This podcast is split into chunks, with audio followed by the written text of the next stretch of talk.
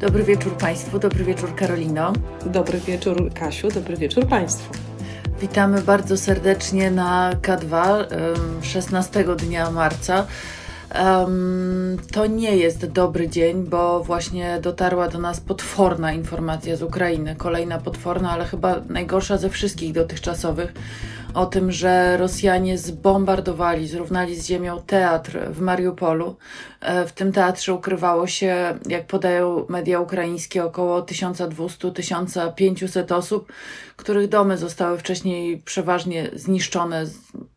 Ludzie tam się ukrywali, głównie kobiety i i dzieci. I właściwie Karolina, no mi chodzi po głowie cały czas to pytanie, które chyba zadaje sobie cały, cały świat. Dlaczego?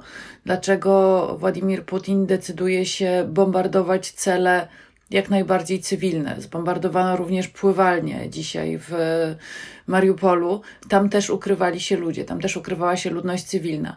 Putin został uznany przez Trybunał w Hadze za zbrodniarza wojennego dzisiaj Rosja została wykluczona z Rady Europy. To są reakcje świata. Czego ty byś się po tym świecie spodziewała? Ja się spodziewam tego, że będziemy szukać mądrych odpowiedzi na to, co się dzieje, takich naprawdę mądrych. A co się właściwie dzieje? No, ten porządek geopolityczny, który znaliśmy po 1989 roku, nie ma go już. On jeszcze jakoś się trzymał trochę czasem można było mieć wrażenie, że on się trzyma właściwie bardziej wolą polityków zachodnich, niektórych bardziej, jak na przykład niemieckich, bo przecież Putin z dnia na dzień nie zmienił swojego charakteru. Natomiast teraz tego porządku już nie ma. Bardzo długo ignorowano to, zarówno co mówił Putin, jak i co robił. Teraz Der Spiegel przypomniał w takim długim dossier o Putinie, jak w 2001 roku odbyło się przemówienie Władimira Putina w Bundestagu. To było przemówienie pełne słów o demokracji i prawie, i o wartościach i o wolności. I ono było mm, nagrodzone owacją na stojąco. Ale już przedtem Putin zaczął w Czeczeni. I kiedy mówisz, co dzisiaj się wydarzyło w Mariupolu, to ja sobie myślę, no i to się przedtem działo w Czeczeni. A cóż innego działo się w Czeczeni? No i możemy dodać, a cóż innego działo się w Syrii, w Aleppo, bo to jest przecież scenariusz Aleppo powtarzany, toczka w toczkę. A cóż innego się działo w Donbasie i te wszystkie wojny się toczyły, a jednak Zachód tego nie widział. Więc, więc powiem Ci tak, że ja, ja mam nadzieję, że skoro widać, że te sankcje, które zostały wprowadzone, nie działają, to w takim razie trzeba wprowadzić poważniejsze sankcje, że skoro e, wysyłanie broni na razie jest, powiedzmy sobie, ograniczone, to może mam nadzieję, że Zachód wyśle więcej broni, żeby Ukraina mogła, mogła odpierać te ataki. No i tak naprawdę to już tak nie w trybie, co powinno się stać, tylko moim zdaniem, co się stanie ja mam coraz większe przekonanie, że ta wojna nie sposób, żeby się nie rozlała dalej. Tego się, tego się nie da zatrzymać. To, to, to doznało takiego przyspieszenia, że, że trudno się spodziewać, że to się skończy w Ukrainie. A, a jakie jest Twoje tak, zdanie? Tylko pytanie, wiesz, co brzmi cały czas um, o to, czym tak naprawdę Rosja dysponuje, ponieważ um, żyjemy w Polsce, obie się urodziłyśmy, możemy ten coming out wykonać przed 89 rokiem, także jeszcze załapałyśmy się na końcówkę PRL-u. I my w tej naszej części świata żyjemy cały czas w strachu, tak naprawdę, i w przekonaniu, że Rosja dysponuje jakimś niewiarygodnym potencjałem militarnym. Wiara w ten niewiarygodny militarny potencjał Rosji na naszych oczach upada. To znaczy, widzimy e, cały czas kolumnę, która nie może dojechać do Kijowa. Widzimy, że w po trzech tygodniach wojny w Ukrainie, wojny, która przypominam miała trwać trzy dni, e, Rosjanie poza tym, że są coraz bardziej okrutni i coraz bardziej uderzają w ludność cywilną, właściwie nie odnoszą żadnych znaczących sukcesów militarnych. Władimir Putin straszy. Straszy użyciem broni chemicznej, straszy użyciem broni nuklearnej. I ja myślę, że ostrożność świata jest podyktowana strachem cały czas właśnie przed tym, przed tym potencjałem, który wydaje się cały czas, cały czas nas przerażać, chociaż widzimy, że te siły zbrojne, które miały być tak przemożne, są e, niedoinwestowane, są niesprawne, nie odnoszą tych sukcesów, których Putin się spodziewał. I ta eskalacja w Ukrainie jest, jest wyrazem w ogromnej mierze klęski, którą Putin w tej chwili ponosi i cała jego doktryna militarna. Oczywiście e, potworne jest to, co się dzieje. Pytanie, czy e, ta ostrożność w podejmowaniu decyzji przez zachodnich polityków nie jest nadmierna w tym kontekście? To znaczy, czy rzeczywiście nie należałoby zamknąć nieba nad zachodnią Ukrainą przynajmniej, albo nad całością jej terytorium. Czy nie należałoby się tutaj bardziej zaangażować? Wczoraj e, dotarła do nas informacja, najpierw rano, o tym, że polska delegacja udała się do Kijowa. Pojechał premier Morawiecki, ale też pojechało trzech innych e, środkowoeuropejskich premierów.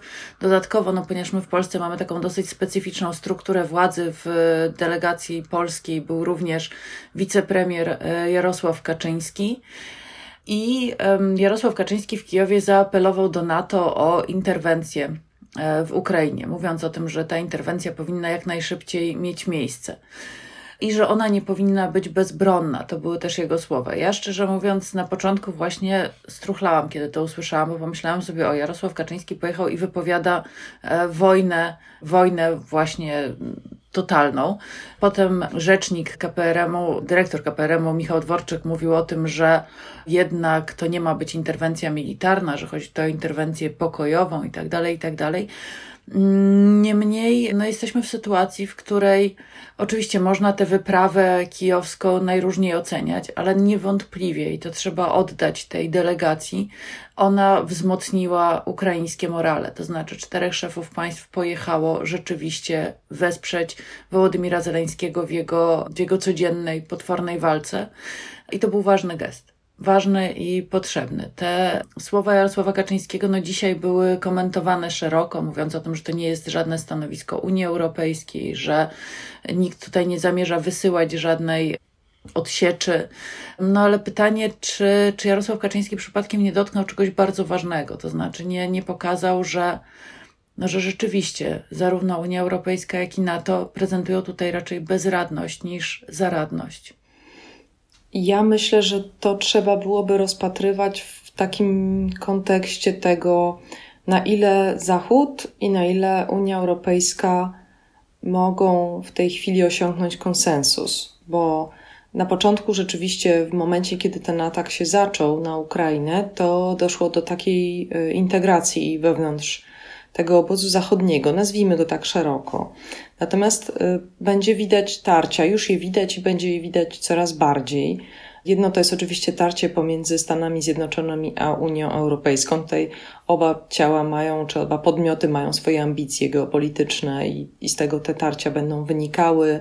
Nie wiadomo jest też do końca los y, i kierunku działań Stanów Zjednoczonych, bo przecież nie wiemy, kto po Bidenie, i też tego, kto właściwie rządzi Unią Europejską, kto jest jej twarzą na arenie geopolitycznej. Kiedyś to była Angela Merkel, a teraz właściwie kto? Macron? Nie wiem. E, w każdym razie to jest niejasne.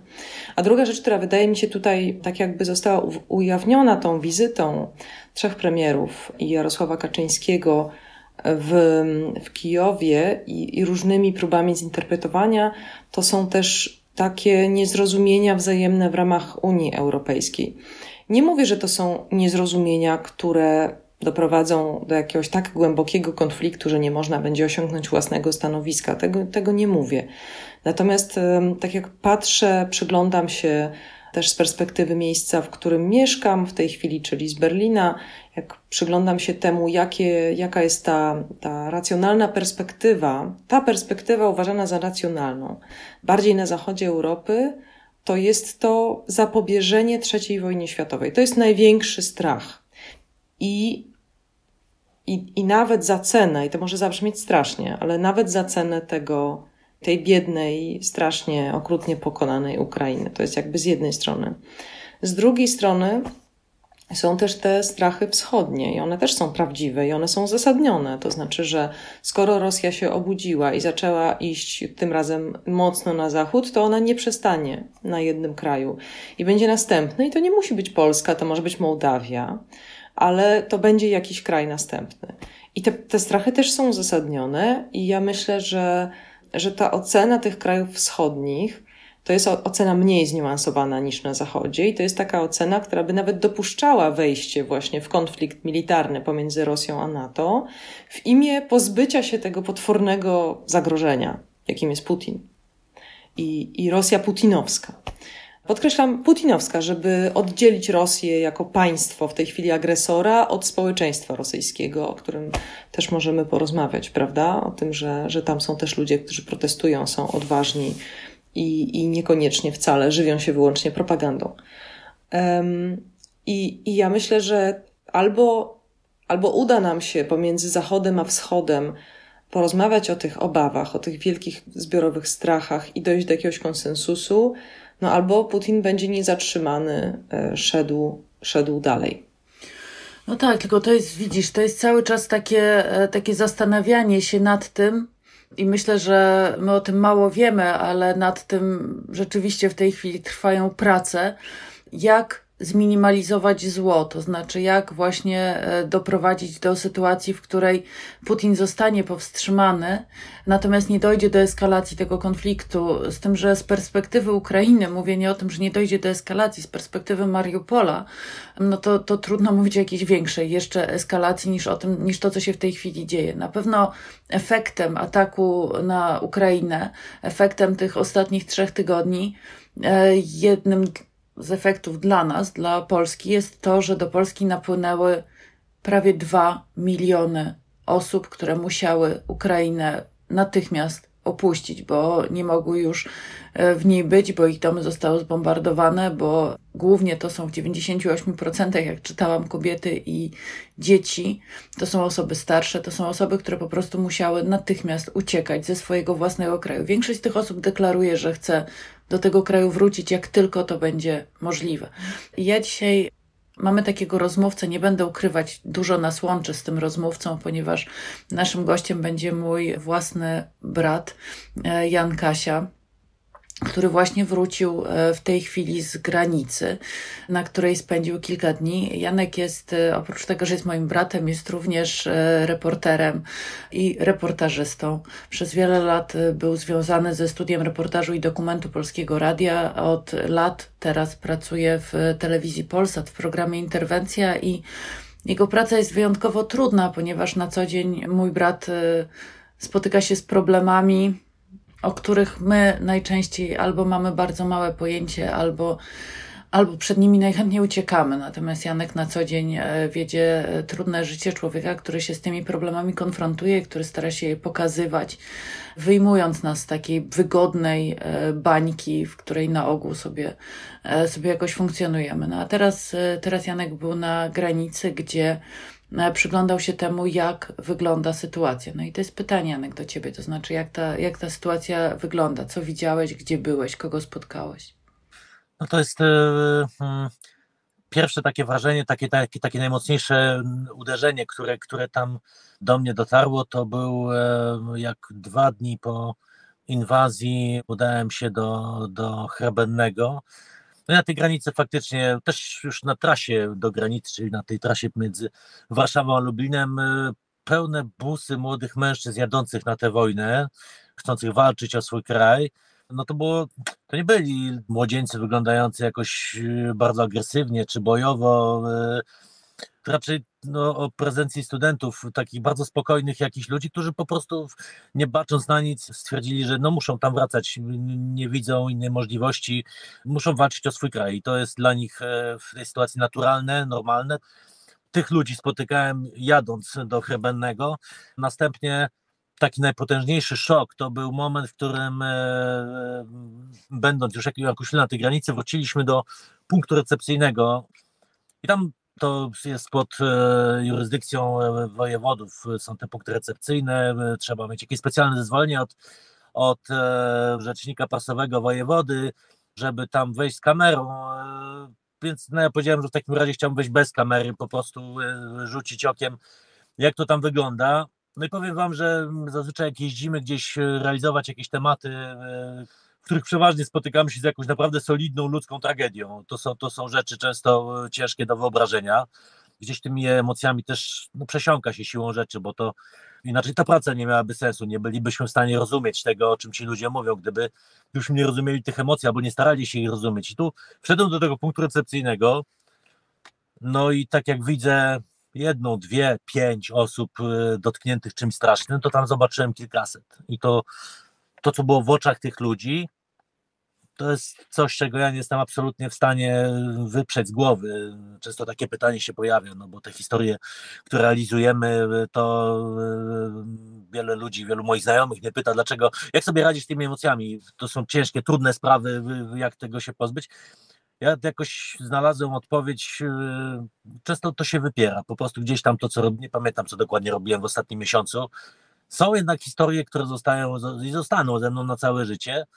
To spojrzenie, te oczy tych ludzi w tym punkcie recepcyjnym w Herbenen dwa dni po tej inwazji, pełniutkim, yy, cała ogromna hala pełna łóżek ludzi, którzy no niekoniecznie wiedzą, co mają ze sobą zrobić dalej, yy, jeszcze nie wiedzą, jeszcze nie są do końca pewni, że, że są już bezpieczni. Ludzie, którzy drżą, słysząc przelatujący śmigłowiec czy samolot, ludzie z małymi dziećmi, ludzie, którzy dobytek całego życia mają nierzadko w dwóch reklamówkach. E, no i siedzą tam i patrzą przed siebie, żyją tą chwilą, która w tej chwili, e, która w tej chwili trwa. E, część z nich i to jest e, to, o czym nie tak dawno mówił mi prezydent Przemyśla, tak? To Przemyśl jest tym pierwszym w tej chwili miastem na co prawda miastem tranzytowym przeważnie, tam mało kto chce zostać, ale on mówi o tym, że na razie myślę, że to do momentu, kiedy granica przekroczyła około półtora miliona ludzi, e, to,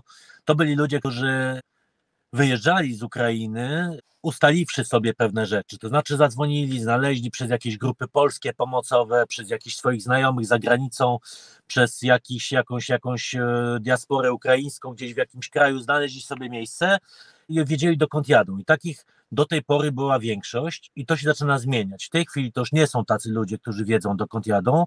W tej chwili to są e, często ludzie, którzy no po prostu muszą uciekać. Ja nie tak dawno na granicy spotkałem, no wykonując tam pracę reporterską, e, rozmawiałem z różnymi ludźmi i w pewnym momencie pojawiła się, no i oni wszyscy gdzieś szli, każdy z nich e, miał jakieś miejsce i w pewnym momencie pojawiła się taka dziewczyna, 20-30 lat. Młodziutka dziewczyna z, synkiem chorym na zespół Aspergera, no ale agresywne to dziecko, takie, takie strasznie żywe, demolujące te namioty, to było w medyce i no ciężko, ona widać, że już potwornie zmęczona, jakoś jedząca, coś, co tam, no ta pomoc tam jest wspaniała w tej medyce. Grupa United Sikh, czyli Sikhowie, którzy, którzy są z Brooklynu w ogóle przyjechali i tam gotują ciecierzycę, no i poczęstowali ją tym, no ale ona okazuje się, że, że ona, że ona nie wie, co ma dalej zrobić. Ona Zacząłem z nią rozmawiać, okazuje się, że e, ona mieszkała w Kijowie, że pierwszy pocisk tej, tej wojny, mieszkała koło jednostki wojskowej w Kijowie, pierwszy pocisk tej wojny zerwał dach z jej domu i zdemolował e, dom e, jej sąsiadów, oni zginęli wszyscy, więc ona ostatnie dwa tygodnie spędziła w, no w piwnicy budynku, który też nam pokazała, który też miała sfotografowany, no to też budynek, no taki blok e, dość nowoczesny w Kijowie, w stanie ruiny absolutnej, po prostu e, zdemolowany, ostrzelany jakąś ciężką artylerią. E, no i ona dwa tygodnie nie jadła chleba, bo tego chleba w Kijowie w tej chwili nie ma. Dwa tygodnie w tej piwnicy z tym chorym, takim bardzo żywym dzieckiem, niepełnosprawnym no, intelektualnie. Mąż, który został, żeby tam wspierać te działania żeby walczyć, mówiąc krótko. No i ona nie wie, co ona ma dalej ze sobą zrobić. Jacyś wolontariusze tam na miejscu e, zaczęli dzwonić. No gdzie się dało, żeby, żeby gdzieś takolwiek kobietę wywieźć. Okazuje się, że ona nie może jechać nigdzie daleko, bo ten synek nie, nie przetrwa tej podróży, bo on po prostu będzie coraz bardziej agresywny, co ten, jest to no, ogromny kłopot. Ja sam zacząłem dzwonić do różnych moich znajomych, żeby, żeby w, w tym do, do mojej mamy, że, żeby zapytać, no co, co, czy ma jakiś pomysł, może, może ktoś się znajdzie taki, kto, kto jest w stanie. Znalazła się jakaś kobieta, która powiedziała, że może mogą przyjechać, ale jak się dowiedziała, w jakim, to jest tym chłopcem, w jakim on jest stanie, że to jest chłopiec chory, to no, okazało się, że on ma własne dzieci, no i nie może on być z innymi dziećmi, no bo, no bo to jest niebezpieczne dla tych dzieci, tak? Może im po prostu zrobić krzywdę. On musi być spod 24 godziny pod opieką tej matki, czujną. E, no więc e, to poszukiwanie trwało jakieś półtorej godziny. W końcu okazało się, że w Krakowie przy Fosza jest e, takie miejsce, które tam było opłacane przez miasto, było, ale to nawiążę do tego później. E, no i że tam ona może zostać przyjęta. Tam są specjalne pokoje hotelowe w hali sportowej, w której ona może być tylko sama z tym chłopcem, tylko musi się tam dostać jakkolwiek. No więc ja powiedziałem, że no w takim razie, no jeżeli taka sytuacja, no to po prostu ją tam z tej, tej medyki zawieziemy w tym momencie, nie ma kłopotu, tak? Dziewczyna imieniem Ola. No i wsiedliśmy w samochód, porzuciwszy te wszystkie nasze obowiązki, zawieźliśmy ją do, do Krakowa. Tam chcieliśmy dać jej jakieś, zapytałem, czy ma pieniądze, czy, czy, czy tam było jakieś, jakieś, jakieś jedzenie, bardzo ładny pokój. E, ona wreszcie jakoś tak się e, troszeczkę uspokoiła. No i chcieliśmy dać jakieś pieniądze, żeby, no bo powiedziała, że no jakieś tam jeszcze jej dostały, że mąż jej wyśle, tam też tam nie działa internet, tam nie ma telefonu, tam nie ma możliwości połączenia się z, z kimkolwiek, więc e, no Wiedzieliśmy, że to nieprawda, co mówi yy, i ona powiedziała, że na żadnym wypadku nie chce żadnych pieniędzy od nas, no bo to musimy ją przywieźć, gdybyśmy się tam nie pojawili, to, to ona nie wie, co by zrobiła, że to ona powinna nam zapłacić, tak? Także taka była postawa, no jakoś na szczęście żegnając się z nią, bo ona oczywiście przytuliła nas, powiedziała, że uratowaliśmy jej życie, że udało się wsadzić jej do kieszeni płaszcza jakieś tam kilkaset złotych, żeby, żeby, żeby, żeby miała. Widzieliśmy się z nią następnego dnia, pojechaliśmy, ja zadzwoniłem zapytać, czy wszystko w porządku, byliśmy niedaleko, więc podjechaliśmy tam, no i pytałem, jak, jak minęła ta noc. No i ta opowieść o tym, że że no to była pierwsza noc dwóch tygodni bez alarmów bombowych. Co prawda to były, no tam latają samoloty z lotniska Balice w Krakowie, więc no samolot każdy powodował, że ona się budziła e, przerażona, spocona, czy przez ośmigłowca, czy to jest trauma e, potworna, to jest coś, ja, ona jeszcze nie była w stanie płakać, tak? to jest taki moment takiego, takiego spięcia, takiego skurczenia, kiedy jeszcze nie jesteś w stanie płakać, to jest coś takiego, że ona z jednej strony zasypiając y, modli się o, o Ukrainę, modli się o tych żołnierzy, modli się o swojego męża, o tych e, znajomych, którzy zginęli, o swoją przyszłość, tak, ale z drugiej strony ona nawet nie bardzo, każdy z powodów nieszczęścia, w którym się znalazła, jest, jest znakomity, żeby, żeby wylać morze łez, ale ona jeszcze nie jest w stanie skupić się na żadnym konkretnym, tak? To znaczy w tej hali na Fosza może być przez e, 7 dni, tak? Tak to wygląda. Tam, jak się miasto podobno okazało, jest tam jakiś kłopot taki, zresztą to włodarze miejscy bardzo utyskiwali rozmaici na to, w tym też i burmistrz e, prezydent przemyśla, że no niewielka jest pomoc ze strony, ze strony władz centralnych tutaj, to znaczy te punkty recepcyjne, największy punkt recepcyjny w Przemyślu, zorganizowany w starej hali sklepu jednej z dużych sieci handlowych, to, to ta hala na szczęście była pusta, ale to wszystko robią ludzie. Tutaj nie ma pomocy. Jedna pomoc taka ze strony władz centralnych to była przysłanie pociągów specjalnych, tak? I to było gdzieś tam, to było jedyne, co oni dostali, dlatego też oni nie bardzo chcieli jakoś tutaj mówić o tym do kamery czy głośno, bo żeby nie stracić też tego, tak? E, niemniej gdyby nie ludzie, no, którzy póki co chwalić Boga mają do tego ogromny zapał, przywożą te dary, przyjeżdżają swoimi samochodami, żeby pomóc w transporcie tych ludzi, organizują ten punkt. To też było takie, wyobraźcie sobie halę e, wielkopowierzchniowego sklepu, centrum handlowego sklepu takiego, tak, do której wchodzicie i tam jest kilka tysięcy łóżek i na każdym z tych łóżek siedzą kobiety, jest tam niewielu mężczyzn, dzieci, biegają psy, koty, to jest, oni są wszyscy w jednym pomieszczeniu, zdecydowana większość z nich siedzi i płacze po prostu, to jest, to jest coś takiego i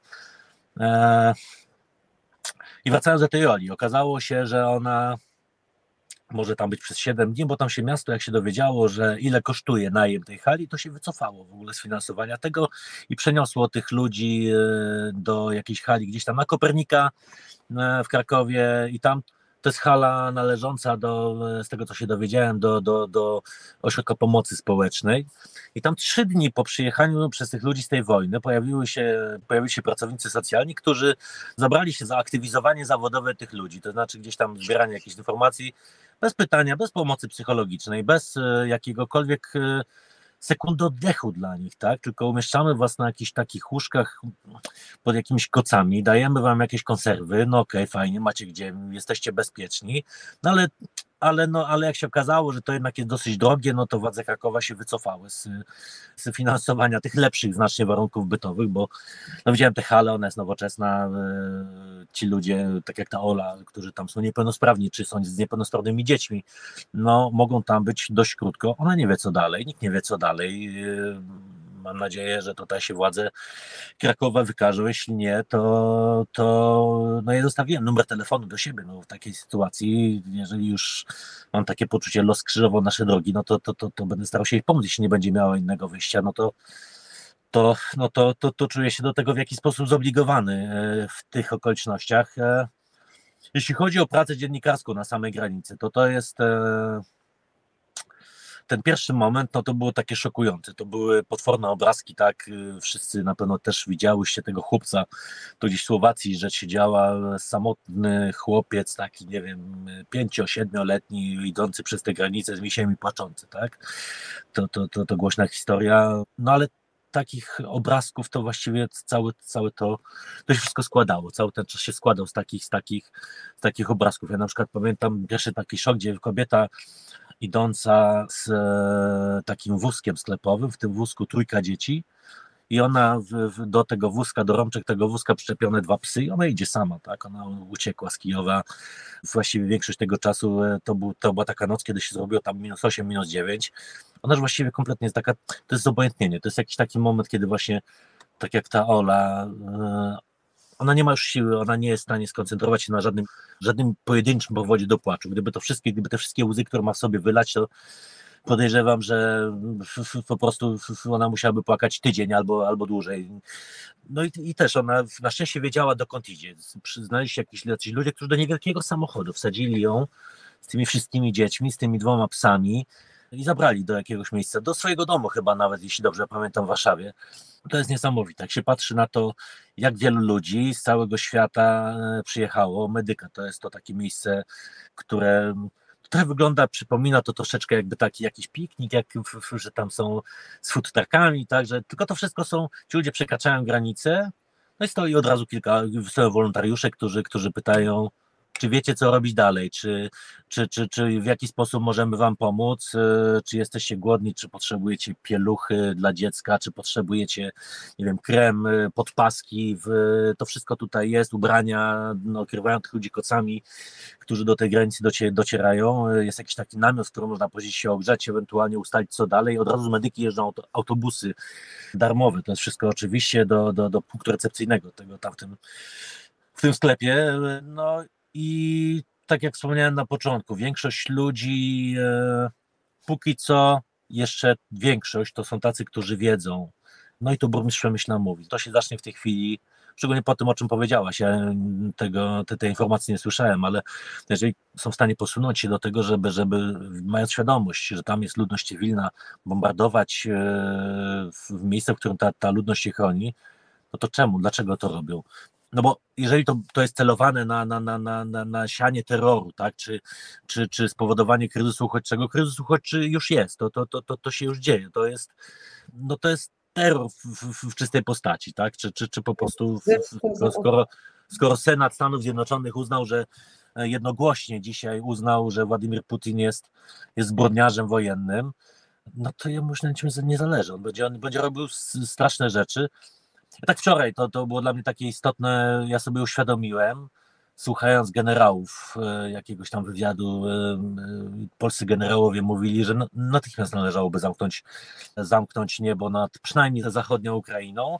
Ja, ja sobie uświadomiłem, no właściwie czemu nie? Przecież to nie jest działanie, zamykanie nieba nad Rosją. To nie jest wypowiadanie konfliktu, wypowiadanie wojny Rosji. To nie jest działanie przeciw Rosji, tylko to jest działanie żeby pomóc Ukrainie, tylko i wyłącznie. To nie jest tak, że, że latanie przez lotnictwo Sojuszu nad terytorium Ukrainy, to jest e, działanie wrogie, czy zaczepne, czy, czy ja nie wiem na co świat czeka. To jest, jak się patrzy na to wszystko, jak się patrzy w oczy tych ludzi, to jest e, coś, czego nie potrafię zrozumieć. To, jest coś, co potwornie mnie boli. To jest coś, co, co, co e, brak wpływu na to takiego, takiego realnego, to jest coś, co czasem nie pozwala zasnąć. Tak? To, są... to jest um, straszne w tym sensie, że przecież to się nie dzieje po raz pierwszy, prawda? Jak sobie przypomnimy byłą Jugosławię, wojnę w byłej Jugosławii, w której działy się rzeczy potworne, straszne. Błękitne hełmy stojące w, w, tak. tuż obok masakry w Srebrenicy. No Ale tam przynajmniej no, były błękitne hełmy. Przecież z tego, że były, no to wiele z tego Przecież wiemy, że, że pomoc humanitarna, właśnie to jest kolejny problem. Jeden problem to jest ten, o którym ty mówisz,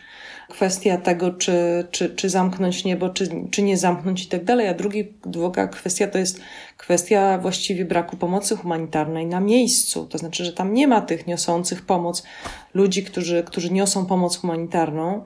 I to rzeczywiście jest, jest, jest przerażające. Ja zresztą tak, wiesz, słucham tego, co mówisz, Janku, i mam takie poczucie, że, że jest takie zwielokrotnienie tych historii, i one wszystkie są, one tak naprawdę wszystkie łamią serce. I, I obawiam się tylko, że w którymś momencie nastąpi jakieś zobojętnienie na tę historię, bo w tej chwili jeszcze właściwie mogłybyśmy Cię tak chyba słuchać i słuchać, tak w takim sensie, że te, te historie są tak bardzo łamiące serce, ale obawiam się, że, że, że w końcu na to jakoś ludzie zaczną obojętnieć i to będzie, to będzie jakaś wielka przegrana w tej wojnie. Tak mi nie się jesteśmy wydaje. w stanie przewidzieć, e, nie jesteśmy w stanie określić jakiejkolwiek perspektywy czasowej tutaj. To jest ten problem. To znaczy w sytuacji, w której no, w tej chwili mamy już dane, że to jest przeszło 2 miliony ludzi, tak? 2700. 2700 tak. w ogóle, a, a w Polsce prawie 2. No tak, no to, no to, no to, no to e, ja też pamiętam, jeden z moich rozmówców był taki człowiek, który no już dotarł do bezpiecznego miejsca, to był taki jakiś chrześcijański ośrodek to był człowiek, który z całą rodziną tu przyjechał, e, pastor, pastor z, z Hersonia. Pastor z Hersonia, który no, był przygotowany, wiedział, że oni spodziewali się, że wybuchnie wojna, mieli zatankowane samochody, spakowane walizki i czekali tylko, kiedy to się wydarzy. No i 24 lutego budziło ich bombardowanie, więc zabrali spakowane walizki, wsiedli w samochód, w trzy samochody, no i uciekli. E, mieli na początku, pierwszy pomysł był taki, że mieli jechać gdzieś w Lwowie, mieli coś tam znalezionego, jakichś znajomych, no ale się okazało, że tam już zanim udało się dotrzeć, no to już nie było miejsca, więc musieli się przedostać do Polski. Tutaj na szczęście przez jakieś tam kręgi chrześcijan ewangelicznych e, trafili do takiego miejsca w, w, w, związanego z, z nimi również religijnie. No i ten człowiek popowiadał, że to było dziwne, to było dla mnie takie, wszyscy, z którymi rozmawiałem, mówili, że oni chcą, oni marzą o tym, żeby wrócić że do swojego kraju. Oni płakali mówiąc o tym, że, że nie wyobrażają sobie, że nie będzie już ich domu, że nie będzie już ich, e, już ich e, w okolicy, już ich sąsiadów, już, już nie będzie ich miasta, nie będzie ich wsi, nie będzie ich, ich, ich, e, ich ścieżek, którymi codziennie chadzali i że oni że za wszelką cenę chcą tam wrócić, choćby nie wiem co, ale pod warunkiem, że to będzie dalej Ukraina, tak? I ten pastor, e, Oleg Szatałow, on powiedział, że nawet jeśli to będzie Rosja, to on, e, no to, to, jest, to, to, to nie ma znaczenia, to, to chce tam wrócić i wprowadzić, e, no wnieść na tyle, czy pomagać na tyle tym ludziom, którzy tam będą, którzy tam zostali, że, no, którzy niewątpliwie jeżeli Ukraina nie wygra tej wojny odpukać, będą w położeniu bardzo trudnym i niewątpliwie no on jako duchowny ma poczucie, że będzie im tam potrzebny i, i że w ogóle, niezależnie od tego, co, co, jak, jak to wszystko się skończy, no to, to, to, to on powiedział, że no, to jest jego miejsce na świecie, tam się czuje powołany do służby innym i, i że wróci. No to było też łamiące serce, bo wszyscy ci ludzie mówili o tym, że oni wrócą, jeżeli, jeżeli to będzie dalej Ukraina, tak? Tego nie jesteśmy w stanie przewidzieć, nie jesteśmy w stanie przewidzieć, jak długo będziemy tę pomoc musieli im świadczyć. Ja myślałem sobie, kurczę, no oczywiście, że gdyby taka konieczność się pojawiła, no to, no to, no to starałbym się e, tej samotnej matce z tym, z tym chorym chłopcem jakkolwiek pomóc, tak jakbym mógł, tak? Ale, ale no, pierwsze pytanie, które zadajemy sobie w takiej sytuacji, jak długo? Ile czasu to miałoby trwać? Poza tym, Janek, wchodzisz do punktu recepcyjnego, widzisz setki, tysiące ludzi. Każdy z nich potrzebuje pomocy. to jest pytanie, które Karolina zadała i to jest pytanie, które myślę, że coraz bardziej sobie wszyscy zadajemy. To znaczy, możesz pomóc jednej osobie, dziesięciu osobom, możesz e, wpłacić pieniądze, możesz e, zrobić zakupy, możesz przekazać no, wszystko, co się da. Możesz zrobić tysiąc kanapek, możesz być w tym punkcie recepcyjnym, możesz pojechać na granicę, możesz pójść na, w Warszawie na dworzec centralny. Tylko jak długo nie wpadniesz w takie zobojętnienie wynikające z niemocy. To znaczy, że wiesz, zawsze będzie jeszcze ktoś, komu już nie będziesz w stanie pomóc. No tutaj, jeśli mogę Ci wejść w słowo, Kasiu, to też sobie cały czas myślę o tym, co napisał nasz redakcyjny kolega Kacper Szulecki na Facebooku, że Polska jest bardziej NGO-sem niż państwem w tej chwili. I tak mi to zostało w głowie, i myślę sobie dobrze, więc ci ludzie ciężko pracują, ciężko pracują te NGOsy, świetnie, mnóstwo wolontariuszy, mnóstwo ludzi robi kanapki, ale czy naprawdę można oczekiwać, że to będzie trwało miesiącami? Gdzie to państwo? Tak, ja usłyszałem, że pomoc, taka pomoc to, żebyśmy pamiętali o tym, te pierwsze kilka dni, pierwsze 4-5 dni to był taki, taki boom, wszyscy się rzucili do tej pomocy, co było niesłychanie budujące. I wtedy pojawiła się taka, gdzieś to przeczytałem, że to jest maraton, to nie jest wyścig. To tutaj e, musimy te siły rozłożyć bardzo równomiernie, bo nie dobiegniemy do tej mety, bo no, pytanie, czy ona jest, e, jeśli tak, to gdzie? No tego nie jesteśmy w stanie określić. Maraton wiemy, no to jest określony dystans, a tutaj być może no, nie będzie to łatwe, żeby, żeby no na pewno ten, ten entuzjazm słabnie. Ja sobie tak patrzyłem na to i gdzieś tam Zastanawiałem się, jak oceniać e, kwestie, e, zjawisko, które zauważyłem na, na, na, na, portalach społecznościowych, fotografowania się w czasie pomagania. Czy to jest dobre, czy to jest niedobre, czy to jest jakieś takie lansowanie się? O, to jest świetne pytanie, które zadajesz, Janku. Ja, duż, ja dużo też o tym myślałam. Pomyślałem sobie, że, że jeżeli e, to pomaganie stało się fancy i, i chwalimy się tym i, i to jest modne po prostu, tak, to to okej, okay, to w porządku, to, to, to, to e, jeżeli inni z tego powodu, którzy tego nie robią, mają się czuć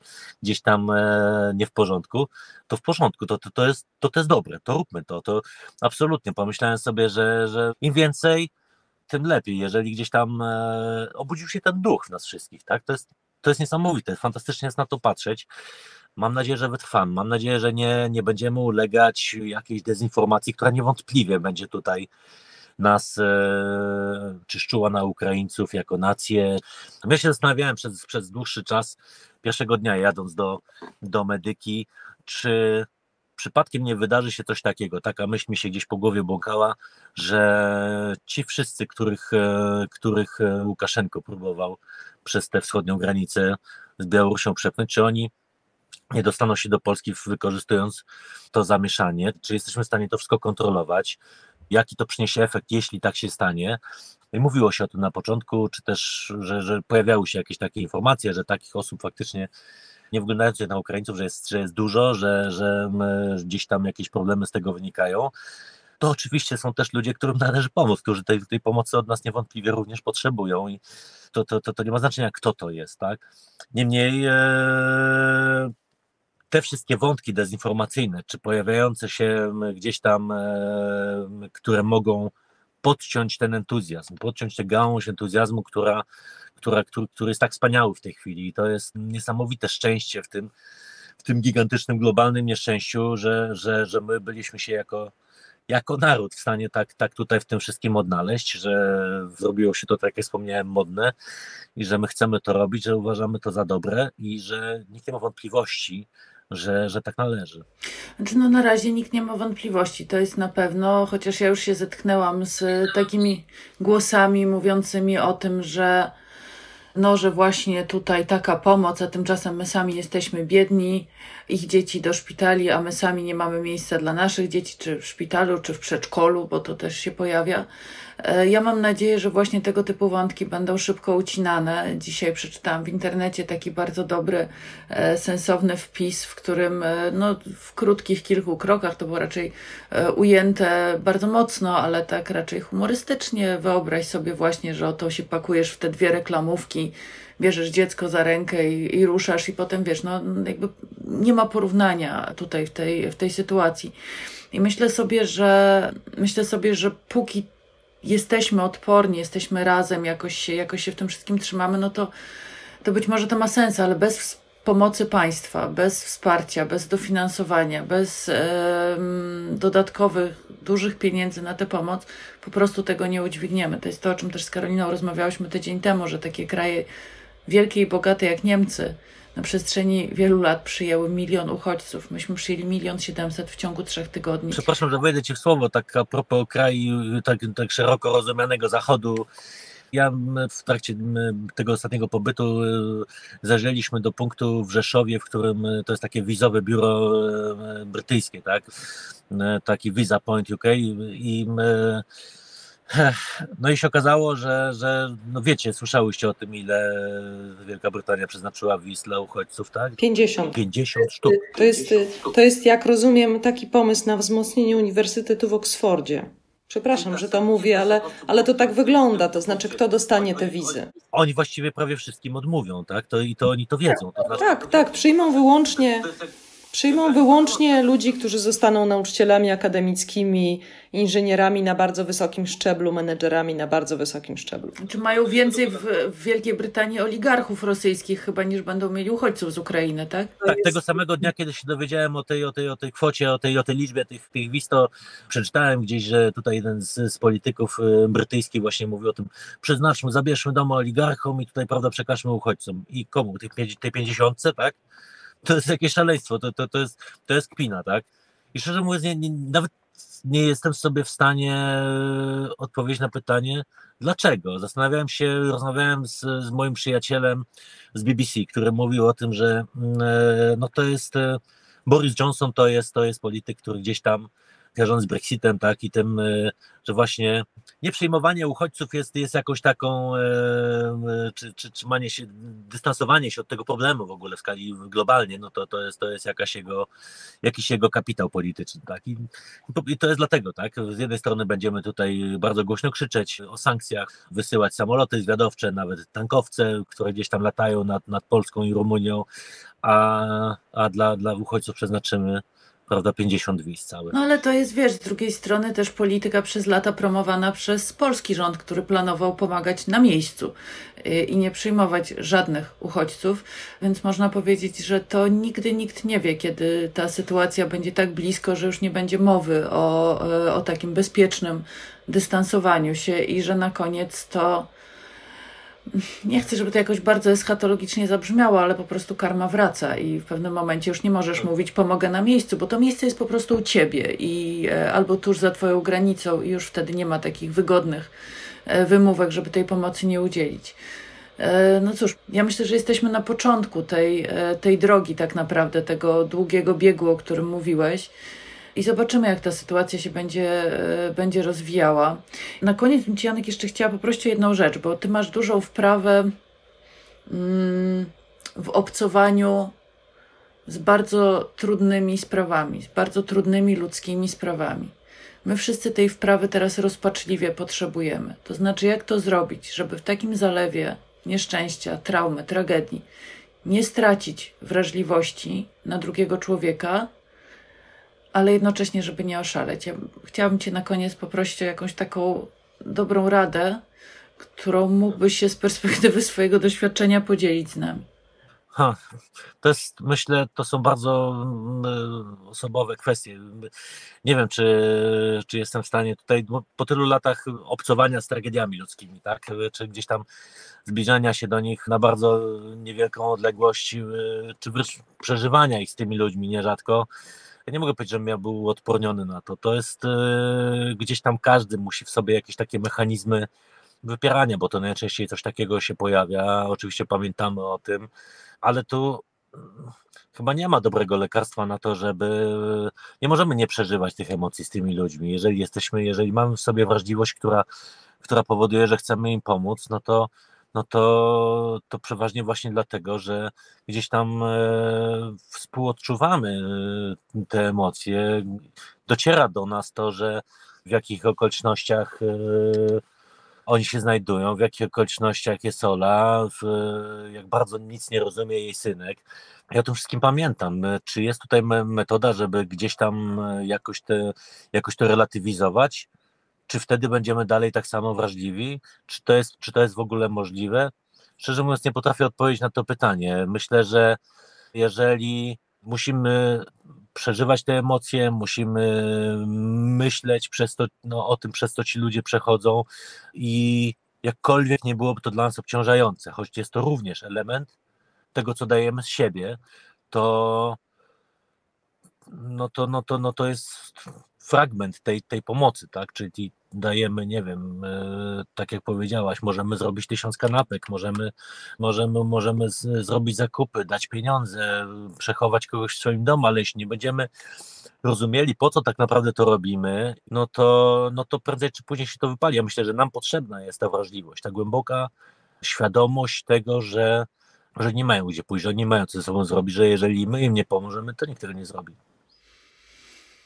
Karolina?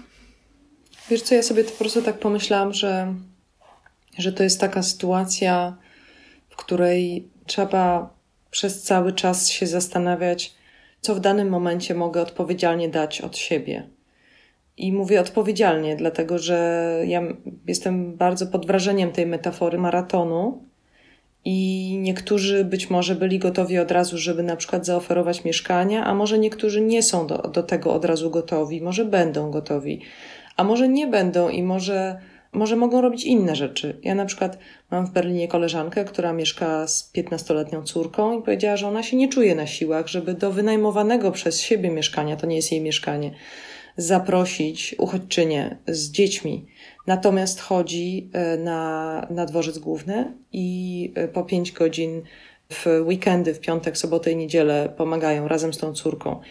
I to są takie rzeczy, że wydaje mi się, że to jest takie mniejsze i to jest na jej siły, i w tym sensie to jest dobre, bo ona będzie w stanie biec z tym dłużej. I, i przypuszczam, że, że, że wielokrotnie każdy z nas w tej chwili znajduje się w takich sytuacjach, nawet bardzo małych. Może komuś potrzebne jest kilka ubranek, a może ktoś potrzebuje odstąpienia miejsca w, w autobusie albo w pociągu, a może kogoś trzeba gdzieś podwieźć to, to jest, y, to jest bardzo, wydaje mi się, że to jest, to jest niesamowicie, niesamowicie istotne. Ja też widzę tutaj, że wśród naszych, naszych widzów teraz stworzyła się taka mała wspólnota ludzi, którzy próbują pomóc. Nasza wydawczyni Aleksandra Sawa y, pisze, że zgłosiła się pani Julia Pyzińska, która prosi, żeby się z nią skontaktować, bo ona jest bardzo chętna, żeby pomóc Oli, o której mówiłeś, Janku przyjemnością, jeżeli jest ktoś taki i jest w stanie e, rozumieć, że no to jest dziecko, które potrzebuje specjalistycznej pomocy, to, to, to jest chłopiec chory. Ja sobie, to, ja sobie to tylko częściowo mogę wyobrazić. To jest właśnie też kwestia takiej empatii. Ja nie mam dzieci z autyzmem, natomiast e, z całą całym prawdopodobieństwem jedno z moich dzieci jest wysoko wrażliwe, co oznacza, że w sytuacjach stresowych może się zachowywać czasem nieprzewidywalnie i jak sobie wyobrażę, co to znaczy, że takie dziecko znajduje się w całkowitym, bezustannym stresie. I, i wiecie, dziecko zupełnie zdrowe może w takiej sytuacji być agresywne i, i, i nie dać rady. A co dopiero, jeżeli ma zaburzenie? Dwa tygodnie w piwnicy pod odstrzałem y, w notorycznym zasadzie. To jest nie do wyobrażenia. To jest nie do wyobrażenia. Także, także ja, ja tak chciałam zachęcić. To znaczy, chciałam powiedzieć, że że, że niech każdy z nas próbuje się zachowywać zgodnie z, ze swoim człowieczeństwem, ale też ze, swoim, ze swoją aktualną możliwością psychiczną. Tak, nie oferujmy czegoś, czego nie mamy. To, to, to, jest, to jest niesłychanie istotne. Bądź nie róbmy czegoś, co, co przyniesie więcej y, szkody niż pożytku. No to, to takie tak. absolutnie fundamentalne sprawy. Nie to będzie pomyślane, mówiąc krótko. Kochani, bardzo, bardzo Wam dziękuję. Dzięki bracie, dzięki Karolina. Bardzo Państwu dziękujemy za to dzisiejsze spotkanie. Mam nadzieję, że uda nam się nie utknąć e, w bezradności i po to jesteśmy razem, po to się spotykamy, żeby nam chociaż trochę właśnie się wymienić tymi naszymi obawami, tym naszym lękiem, ale też e, no właśnie dzięki pani Julii chyba ta nasza rozmowa zyskała jakiś taki zupełnie nowy wymiar, no bo skoro pani Julia pomoże Oli, no to trochę lepszym miejscem jest ten świat, który ostatnio pokazuje nam dosyć przerażające oblicza. My Państwa bardzo serdecznie zapraszamy, dziękując za dzisiejsze spotkanie na jutro, e, kiedy spotka się z Państwem Jarosław Kujsz i na pojutrze, na piątek, kiedy zaprasza Jakub Bodziony. Dziękujemy Państwu za wszelkie wsparcie, którego nam Państwo udzielają, za wsparcie słowem, za wsparcie uczynkiem, a my zapraszamy Państwa również na za tydzień, kiedy znowu e, zaprosimy Państwa na wspinaczkę na ten nasz ulubiony szczyt, czyli K2. Bardzo Państwu dziękujemy. Dobrej nocy. Dobranoc.